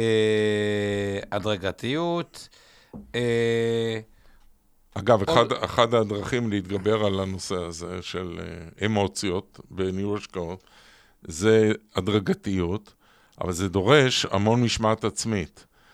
כי אם אתה, אתה צריך לקבל החלטות מראש. היה לך מיליון, קנית 400 אלף, מה שאמרנו, אגרות חוב בדוגמה של אה, דירוג AA של ארה"ב, רק לצורך הדוגמה. אה, אתה צריך להחליט באותו שלב, אוקיי, קניתי 400 אלף, יש לי 600 אלף, היום התשואות הן 6 אחוז נגיד, אני מחליט עכשיו, שאלא אם כן קרה משהו דרמטי לחלוטין, שאם התשואות מגיעות ל-7%, אני קונה עוד 300,000. ואם התשואות מגיעות, סתם דוגמה, ל-8%, אני קונה עוד 300,000. קניתי... ולהחליט מראש. להחליט מראש. אגב, אני רוצה להוסיף את זה. להיות צמוד לזה. להחליט מראש ולהיות צמוד מזה, אני אספר סיפור שכבר סיפרתי אותו כמה פעמים, אבל אה, אני התחלתי, מה שצבי אומר, אני מאוד אוהב, אני עם כל מיני לקוחות, אני כותב להם מייל, אה, בסוף הפגישה, אוקיי, סיכמנו ככה וככה, כשהשוק מגיע, זה נקודה, וזה קצת שרירותית, כאילו צריך לבדוק את זה, אבל עדיף תוכנית. כשהשוק מגיע, נכון. סתם דוגמה, ה-S&P זה מינוס 30 אחוז, אז מגדילים את העוד מנה, זה לא משנה, זה כן. יכול להיות מעבר של קרן השתלמות. כן, כן, מסלול, כן. כן, עכשיו היה לי כוח אחד גדול, פתחנו קרן השתלמות, הוא היה עצמאי 16 מיליון שקל, כאילו, זה מסלול כן. אה, אה, כללי, ואז קבענו מה שקבענו, ואפילו הייתי במקרה בנסיעה באוטו והתקשרתי, אבל רק תכיר, קבענו מה שקבענו, צריך לעבור למנייתי. כאילו, זה הכלל, כן. קבענו מינוס 35 אחוז, זה היה קורונה, זה היה 18 השלישי, זה במקרה גם יצא היום הכי... זה ממש היה 19 18, 18, כן. התחתית, נדמה התחתית. כן. הוא אמר לי, תשמע, אני לך את האמת, משבר אחר, אני לא מסוגל, עזוב אותי, זה. עכשיו, עכשיו, מה שהוא עשה, הוא אמר את הדבר הבא, תשימו כסף. הוא חתם לי על הטפסים, ואמר לי, תעשה לי טובה, תעשה מה שאתה מבין, כן. תעדכן אותי בדיעבד, אל תעדכן אותי, גם אני לא רוצה את כן, לא האחריות פעמים עליי, לא, הוא לא רוצה את האחריות, אה, כן, אה, לא, תעשה מה שאתה חושב נכון מקצועית. הוא גם מבין את הקטע שכאילו, אם המנטליות היא כל כך חזקה, כי המקרה הזה הוא עוד יותר טוב, היה תוכנית, היה טריגר, ועדיין לא אה, כן, כן, בוצע. אז החלק הראשון זה באמת אותו... שימו טריגר, כי, כי אחרת הסיכוי שלכם, הרי מה הבעיה ברוב האנשים שלא נכנס עכשיו לשוק המניות או שוק האג"ח? כי הוא חושב שיהיה יותר נמוך. יכול להיות שהוא צודק והוא עדיין עושה טעות. למה? הוא צודק, ירד עוד 10, אבל הפעם הבאה שהוא ייכנס, רק אחרי שזה עלה עוד 20. כאילו, אתם צריכים גם לצדוק, גם עם נדל"ן אגב. על הנייר יכול להיות שהוא צודק גם עם נדל"ן, כן. ירד הנדל"ן ל-10%, זה לא אומר שהוא יקנה, יכול להיות שכאילו הוא יחכה ויפספס אה, ויפגוש את זה, כן. את העלייה הבאה. כלומר, חייבים טריגרים אה, אה, רשומים. אוקיי, ככה, אני רוצה להתחיל לסכם, היה גם שאלה של בחורה בשם אסנת, שאני חושב שהיא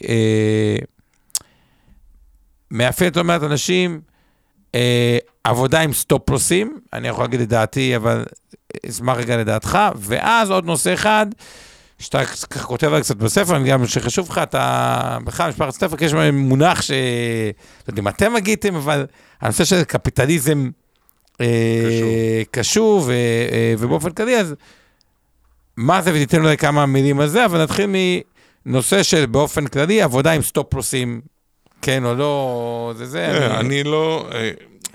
השאלה גם uh, באיזה מינון אתה עושה את זה, זאת אומרת, לעשות סטופ לוס על כל השוק, על כל ההחזקות שלך במניות, לדעתי זה לא נכון, כיוון שאם זה יגיע לנקודה הזו, אז אוקיי, תגביל את ההפסד שלך, אבל uh, תישאר בלי מניות.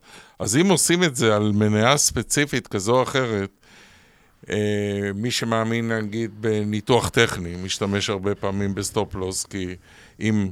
הניתוח הטכני מראה שמניה שעברה את קו התמיכה שלה כלפי מטה, אה, נשבר המבנה של ההתנהגות של המניה, במיוחד אם זה קורה שמניה יורד מתחת לקו התמיכה הטכני שלה, הצ'רטיסטי שלה, אה, אה, יורדת תוך מחזור גדול, לפי השיטה הטכנית, צריך למכור.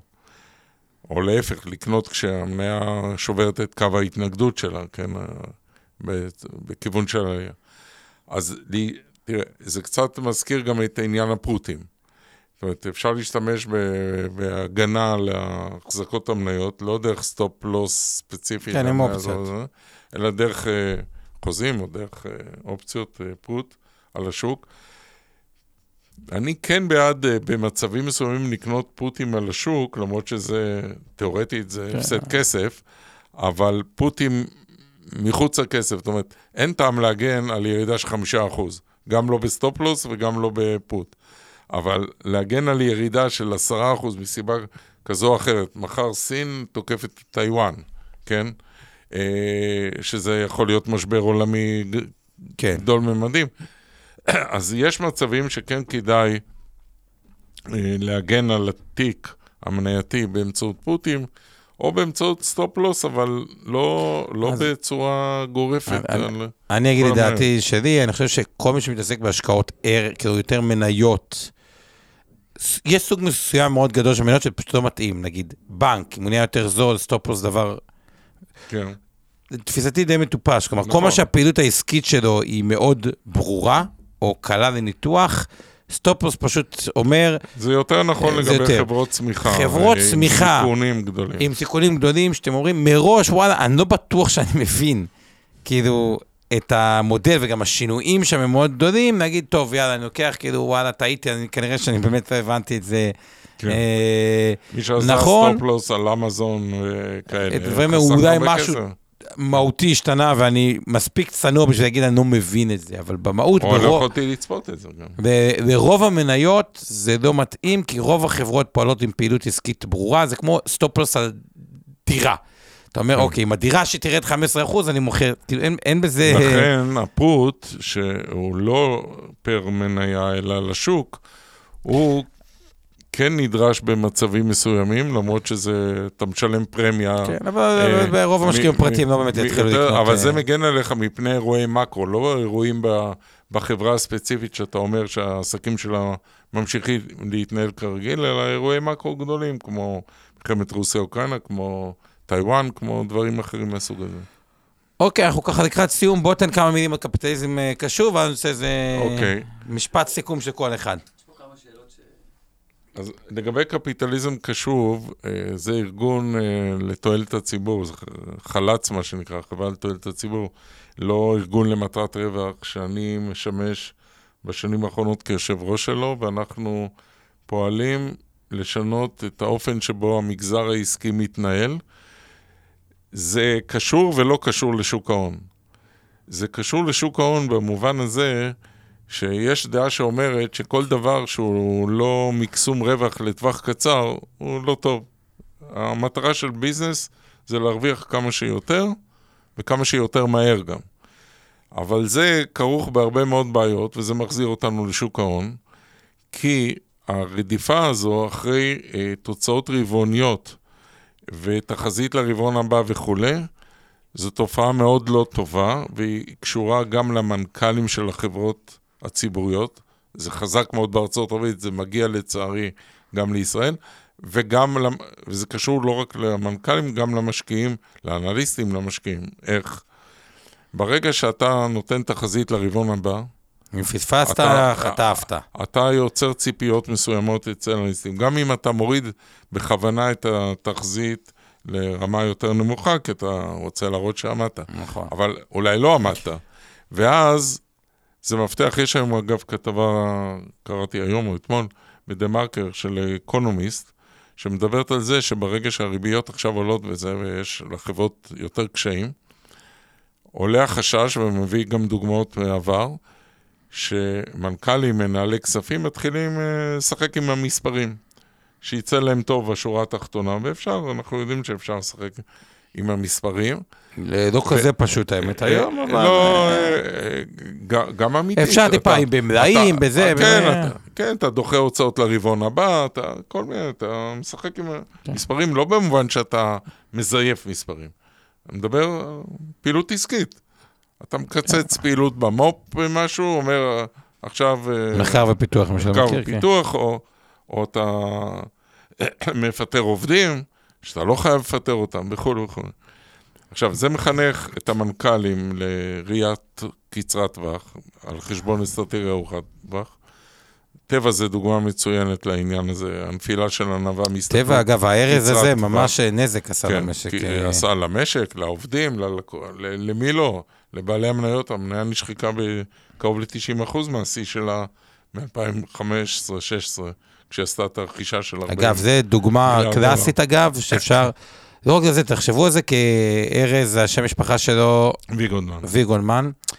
זה נושא של פעילות הדרגתית, שזה בחברות רכישות קטנות, לבין עוד אין ממונף על משהו אחד נכון. שבדיעבד גם לא נבדק מספיק טוב. נכון, תקופה קצרה של due diligence, כן. בדיקה. סליחה, וגם את המשקיעים זה מחנך לא טוב, כי הם מתרגלים להיות מוזנים מהסתכלות קצרת טווח, ולעשות גם פעילות קצרת טווח, ואוי ואבוי לאותו מנכ"ל, שאחרי שהוא נתן תחזיות אה, מונמכות בכוונה, אה, מראה חס וחלילה עוד סנט אחד פחות ממה שהאנליסטים חיכו, אנחנו רואים מניות נשחטות ביום אחד ב-20%. זה מגיע גם לפה, דרך אגב. באפט למשל... אגב, אפרופו, ממש מגיע, עונה כן. דוחות הזאת ספציפית, נכון, ממש חברות נענשו... ראית בכל מיני חברות ירידות חזקות. עכשיו, אה, באפט למשל, יחד עם אה, ג'יימי דיימון מ-JP מורגן, כתבו מאמר כבר לפני שנתיים וחצי בוול סטריט ג'ורנל, והם אמרו שיהיה נכון להפסיק עם מתן תחזיות רבעוניות, בגלל הסיבות כן. שעכשיו אני מציין. אז קפיטל... עכשיו, איך כל זה קשור לקפיטליזם קשור? אנחנו באים ואומרים את הדבר הבא. קפיטליזם זה המשטר הנכון, זה המשטר הראוי, זה משטר שתרם הרבה לאנושות, אה, אם זה בתחום החדשנות, בריאות, תחרות, כל הדברים האלה. אבל, אבל לצד הדברים הטובים שהוא הביא, הוא הביא גם דברים גרועים. אה, עוצמה בלתי, מינון עצום של אי שוויון. מנכ"לים בחברות S&P 500 מקבלים בין פי 300 לפי 450 מהחציון של העובדים שלהם, לא מהשכר של הכי נמוך. Okay. כן. זה מטורף, זה היה פעם 10-15, והיום זה פי 300 עד 450. כן, וגם בארץ זה קיים, לא בפיננסים כל כך, כי שם יש הגבלה על הזה, אבל כן. בארץ המצב יותר טוב. אגב, שבדיעבד עשה די טוב ההגבלה ל-2.5 מיליון שקל. כן, אני גם כתבתי על זה בזמנו, שאף מנכ"ל בנק לא מחפשים אותם בחו"ל, הם איימו שהם ילכו לחו"ל. להיות מנכ"לים של בנקים, אני יודע מה, באירופה. אף אחד לא חיכה להם. אף אחד לא חיכה להם, כן. לונדון לא חיכתה להם גם כן. ו... וכך הלאה. עכשיו, אז יש הרבה עוולות, במגזר העסקי זה בולט מאוד בחברות הביטוח. חברות הביטוח, יש חוסר אמון הרי מובנה בין הלקוחות לבין חברות, הנהלות של חברות הביטוח. הנהלות של חברות הביטוח משוכנעות שהלקוחות מרמים אותם. נכון. שולחים אחריהם חוקרים פרטיים, אפילו מקרים קיצוניים. והלקוחות, אה, הלקוחות, אה, כשהם צריכים אה, לקבל תגמול על אה, כל אה, דבר שמכוסה על ידי הפוליסה, אה, חברות הביטוח מתישות אותם וכולי וכולי, והם לא מאמינים שחברות הביטוח משלמות את מה שמגיע וכולי וכולי. זאת אומרת, יש חוסר אמון הדדי. חוסר אמון הדדי הזה, מה התוצאה שלו? שהפרמיות עולות. כי חברות הביטוח אה, מעלות את הפרמיות על בסיס זה שהן חושבות שהלקוחות שה, מרמים אותם. מה שנכון לפעמים, כן? בשיטת מצליח או כל שיטות נכון, אה, אחרות. מין ריב כזה שכולם צודקים. חוסר האמון בכלל, המילה של אמון היא מילת מפתח בכל דבר ש, של החיים האנושיים, בוודאי בחיים העסקיים, ויש, חוסר אמון יש, יש uh, משקל משמעותי בפעילות הכלכלית. ברגע שיש חוסר אמון, זה הרבה פעמים שחיתויות, זה הרבה הונאות, אה, לא חסר כן, כן. תופעות מהסוג הזה. מה שאנחנו באים, זה לנסות גם לשנות את חוק החברות. אנחנו פעילים, עכשיו, הקפיטליזם קשוב, הוא לא אומר שרווח זה דבר לא חשוב. הוא אומר שהדבר החשוב זה לא רווח רבעוני, אלא שמה שחשוב זה השבחת הערך של החברה לטווח הארוך. לא מקסום קצר טווח כמו שטבע ניסתה לעשות, ונוחי דנקנר ניסה לעשות, ועוד אחרים, מתוך ראייה מאוד צרה ושואפת לתוצאות מיידיות על חשבון טווח ארוך. אלא צריך השבחת ערכה לטווח ארוך, ולכל חברה עסקית צריך שיהיה ייעוד שהוא מעבר לרווח. זאת אומרת, למה היא קיימת בכלל? מי היא נועדה לשרת? מה, מה היא נועדה לעשות? והמנהיג של הארגון העסקי צריך להיות מחובר ב-DNA שלו לייעוד, וכל האסטרטגיה של החברה צריכה להיות לפי המצפן הזה, הייעוד שהוא סוג של מצפן. כשחברה מקבלת החלטות אסטרטגיות מהותיות וקובעת את האסטרטגיה שלה, היא צריכה לבחון כל החלטה מג'ורית, משמעותית, לאור הייעוד, באופן כזה שמתחשב בכל מה שנקרא stakeholders, כל מחזיקי העניין. לא רק בבעלי... בוא, בוא נקשה לא רק בבעלי המניות, אלא כבר, אלא גם בעובדים, בלקוחות, בספקים, באנשים, בכל האקו-סיסטם שעוטף את החברה, ואנחנו עכשיו מנסים לשנות את החוק גם בעניין הזה. יש לנו קורסים בנושאים האלה. במיטב נגיד, כן. מה הייעוד שלכם? או תדגים לעצמך, סתם שזה לא יהיה אמורפי ו... לא, ברור, תראה, אז יש חברת תרופות שיכולה להגיד שהייעוד שלה הוא אה, ברור, כן, לרפא אנשים. כשאנחנו עשינו את המיזוג בין מיטב ודש לפני תשע שנים כמעט, אה, לקחנו יועצים ארגוניים ובנינו, קראנו לזה אז אה, קוד פיננסי חדש. אמרנו, אנחנו לא רוצים, תראה, איפה שיש כסף גדול, כמו שוק ההון וכמו הנדל"ן, שאלה שני שווקים עם הרבה כסף, אז יש גם באופן טבעי פיתויים, ויש שחיתויות, והונאות וכולי. כן, וההיסטוריה רצופה, עכשיו יש את הסיפור של הקריפטו וכולי, ובנדל"ן יש מכירות של, אה, אה, עזוב חברות ציבוריות, אה, קרקעות חקלאיות שמבטיחות לך שמחר בבוקר תהיה מולטי מיליונר, ואתה נתקע עם הקרקע החקלאית עוד 40 שנה לנכדים שלך. אז זה שווקים שמטבעם מזמינים כל מיני שרלטנים. נכון.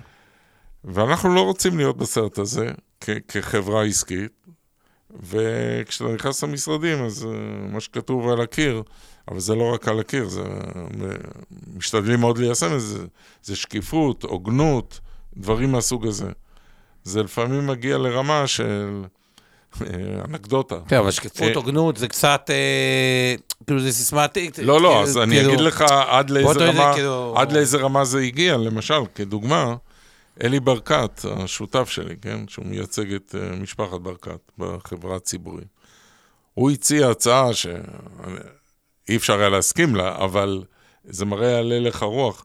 הוא אמר, בואו נפתח את ועדות ההשקעה בעולם הגמל לשידור חי. כל אחד יוכל לראות על מה אנחנו מדברים בוועדת ההשקעות של הגמל פנסיה השתלמות, והחליט, כן, פתוח לציבור הרחב.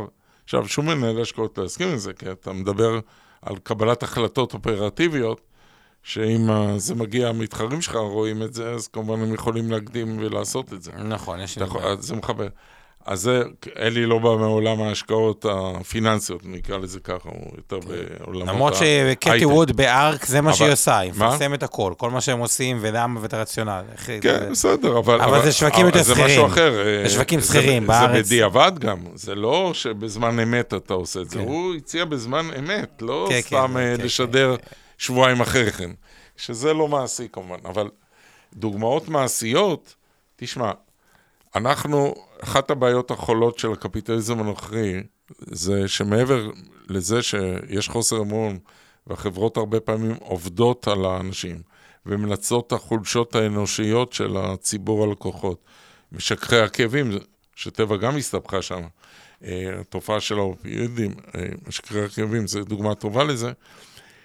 אז זה יצר גם בעיה של אי שוויון, כמו שאמרנו, שכר מנכ"לים לעומת זה. עכשיו, לעומת העובדים שלהם, למשל.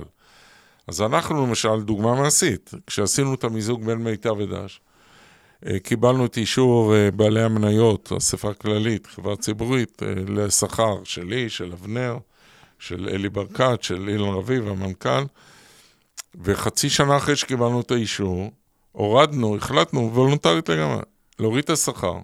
ב-20 אחוז, את עלות השכר ב-20 אחוז, וניצלנו את החיסכון שהושג להעלות את השכר של אה, אנשים בחברה, אה, עובדים שקיבלו, עובדים, עובדות שקיבלו פחות מ-8,000 שקל לחודש. וקבענו ששכר המינימום אצלנו יהיה תמיד גבוה יותר משכר המינימום במשק. היום זה משהו כמו 18-20 אחוז יותר. שכר המינימום בין שעובד אה, שעתי ובין שזה עובד משכורת חודשית, זה יכול להיות סטודנט, זה יכול להיות כל אחד אחר, וחילקנו גם אופציות לכל העובדים. וחילקנו את האופציות באופן כזה, לא כמו בהייטק, ש-X קטן של אנשים מקבל 90% מהאופציות, והשאר פירורים מתחלקים בין הרבה עובדים. פירורים שיכולים להיות שווים כסף, כמובן, אחר כך, עם ההייטק בפריחה. אה, פה חילקנו 25 אחוז, נקרא לזה, לצמא, לא לעצמנו, כי אנחנו בעלי מניות, להנהלה הבכירה ו-75% לכל שאר העובדים. עשינו עוד כל מיני מהלכים בכיוון של הקטנת האי-שוויון. זה לא אומר שאנחנו לא מתמרצים אה, מצטיינים, אנחנו בהחלט מתמרצים, יש לנו מדיניות שימור של עובדים אה, טובים, מסורים, טובים, מקצועיים, גם בעולמות ההשקעות, גם בעולמות האנליזה, בכל מיני עולמות. יש לנו היום 1,100 עובדים, אז יש תמיד את המצטיינים בתוכם. וזה חלק מה... מהייעוד שלנו, כן? אה, קודם כל לא להיות uh, חזירים. וכלפי הלקוחות, אוקיי, זה לא כלפי העובדים, אבל כלפי הלקוחות. אז זה מה שאני אומר, לא להיות חזירים, שהעמלות תהיינה סבירות. זאת אומרת, זה לא שאנחנו צריכים להיות הכי זולים, אבל לא להיות חריגים לרעה בתחום העמלות, גם כשאנחנו מצליחים, ולא תמיד אתה מצליח, אה, מבחינת תשואות, כן, ומקומות, כמו שנגיד בגמל פנסיה הצלחנו מאוד בשנים האחרונות, אז מצטרפים חדשים, אתה גובה עמלה אולי קצת יותר גבוהה ממה שגבית בעבר, זה טבעי, אבל שוב, לא עמלות שחריגות ב... מהממוצע, נקרא לזה, של, ה... של השוק. אתה לא, כן, לוקח עמלות מוגזמות. יש מצבים, כמו כל חברה עסקית, שאתה צריך להעלות עמלות, כן? במסגרת החוק כמובן, אבל אה, שוב, הכל... הכל הוגן. מילת, מילת מפתח בעיניי זה מינון. מותר לעשות דברים, מותר להעלות מחיר לפעמים, מותר לפעמים uh, לפטר עובדים אם המצב קשה מאוד. זה לא, אני לא סוציאליסט, אני קפיטליסט, אבל בתנאי שאתה עושה את זה במינון הנכון, ובתנאי שאתה לא פוגע בחוליה החלשה שקל לך לפגוע. למשל, בקורונה, חוליה חלשה יחסית, בהתחלת הקורונה היו עובדים, נכון? יכולנו לפטר עובדים, לחסוך מיד בעלויות. לא עשינו את זה. כן שלחנו לחל"ת, ביקשנו מספקים להוריד מחירים בשלב הראשוני, כי שוק ההון, החודש הראשון שדיברנו עליו היה מאוד קשה, ואנחנו ניזונים, כל ההכנסות שלנו, לא כל ההכנסות, רוב אוקיי. ההכנסות, באות מדמי ניהול. ברגע שהשווקים יורדים, דמי הניהול יורדים אוטומטית כמובן. אז מה שאני מתכוון, עשינו את זה במינון נמוך, לאורך כל, אה, תקרא לזה, שרשרת האספקה או כל מחזיקי העניין, לא ריכזנו את כל החיסכון אה, במקום אחד, נגיד על חשבון עובדים, טוב, 100 אה, עובדים, במקום שתלכו לחל"ת, אנחנו מפטרים אתכם, למשל, כן? שזה דבר לא נכון לעשות. שכן עושות את זה חברות, או לא אמרנו לספקים, אנחנו נשלם לכם עכשיו, אה, אני יודע מה, שוטף פלוס 200 ימים. כן. דברים מהסוג הזה. ובספר, יש ספר אחר, לא, גם בספר שלי בעצם זה מוזכר. יש ספר נוסף, ספר צהוב שתרגמנו אותו מאנגלית, על קפיטליזם קשוב. בארצות הברית זה נקרא Conscious Capitalism. תרגמנו את זה בצורה קצת שונה, קפיטליזם קשוב. שהמטרה היא בעצם שחברה עסקית צריכה להיות קשובה לכל מחזיקי העניין שלה. לא לתעדף באופן גס את בעלי המניות, שזה דבר שלצערי קורה בהרבה מאוד uh, חברות, אלא להתחשב גם באינטרסים של uh, מחזיקי עניין, סטייק הולדרס, מה שנקרא uh, אחרים. אוקיי, okay, אז ברוח האופטימית הזאת של להיות אה, קשובים, אגב, מי שרוצה לקרוא עוד, להצטרף, לעזור, לסייע בדבר הזה, מה הוא עושה? הוא פשוט אה, קפיטליזם קשוב? ו... יש ספר שנקרא קפיטליזם קשוב, אם זה נושא מעניין אותו, שהוא ספר מתורגם, אבל בהוצאת הרווארד יצא לאור אה, לפני כמה שנים, ועכשיו הוצאנו אותו לפני איזה שנה ומשהו. אה, תרגמנו אותו בעברית והבאנו שם פרק, גם פרק מיוחד על חברות ישראליות קשובות. אה, חברות ישראליות שמשתדלות להיות קשובות, זה אחד. והספר שלי, עולם ההשקעות שלי, שיצא לאור לפני כמה חודשים. את שני הספרים אפשר להשיג בחנויות, אין בעיה. סטימצקי, כל הרשתות. אז אה, אחלה, אה, אני גם אתן את האינפוט שלי, בסופו של דבר אני גם, כאילו, גם רואה את זה בתכנון פיננסי, או כאילו, אקח את זה רגע לתחום שלי, לאורך זמן, תהיה הוגן, תצא בסדר עם אנשים. זה גם ממש מוריד את ה-cost of doing business, כי כאילו, נכון. לא צריך כל דבר 100 עורכי דין, 100 דברים, כאילו... אה, נכון, יש אמון זה גם... וגם לגבי עובדים, למשל, אם אתה מתייחס אליהם בצורה נכונה, אז אתה מקטין את התחלופה. ותחלופת עובדים. נכון, היא קריטית להצלחה. נכון. אז אה, נסיים במשפט שאבנר תמיד אומר, שמענו קצת את צבי, ראיתם גם, זה דווקא מאוד uh, מעניין, בסוף בעיקר אתם שומעים את אבנר, שבוע הבא הוא יחזור, היה קצת בחו"ל, עכשיו הוא באירלנד, היה שבוע שעבר ב... אבו דאבי. באבו... האמירויות, כן. באבו דאבי, אז ברוח הזאת נסכם ב"תעשו טוב", זה חוזר... נכון. בריבית דריבית, מעט תודות, תודדנו לך, תודדנו בוא תציג את כל התודות. לשיר פלדמן. שמנהלת אותנו, האלופה. אור חלמיש, אורן ברסקי, עמי ארביב, שעובדים על התכנים. וזהו, תודה לכם שהאזנתם. אנחנו מצטערים שהיום לא היה לנו זמן לשאלות, כי יובי, ראינו את, ה... את השאלה, אנחנו נתייחס לזה שבוע הבא. זה היה טוב לכולם. תודה רבה. בינתיים, תודה לך. מעוניינים ללמוד יותר על עולם ההשקעות? האזינו לפודקאסטים נוספים שלנו. המשקיענים, אבנר סטפק ועומר רבינוביץ' בתוכנית אקטואלית עם כל מה שחם בעולם ההשקעות. אינבסטור 360 לייב, אורן ברסקי ועומר רבינוביץ' מארחים את בכירי שוק ההון ומבינים את הטרנדים החשובים לשנים הקרובות. להבין את סין עם יובל ויינרב, עם כל מה שרציתם לדעת על הענקית מהמזרח. השקעות להייטקיסטים עם צח איציק, שיבנה איתכם תוכנית כלכלית להגשמת החלומות שלכם, והפודקאסט ההשקעות למתחילים, לכל מי שעושה את צעדיו הראשונים בעולם ההשקעות.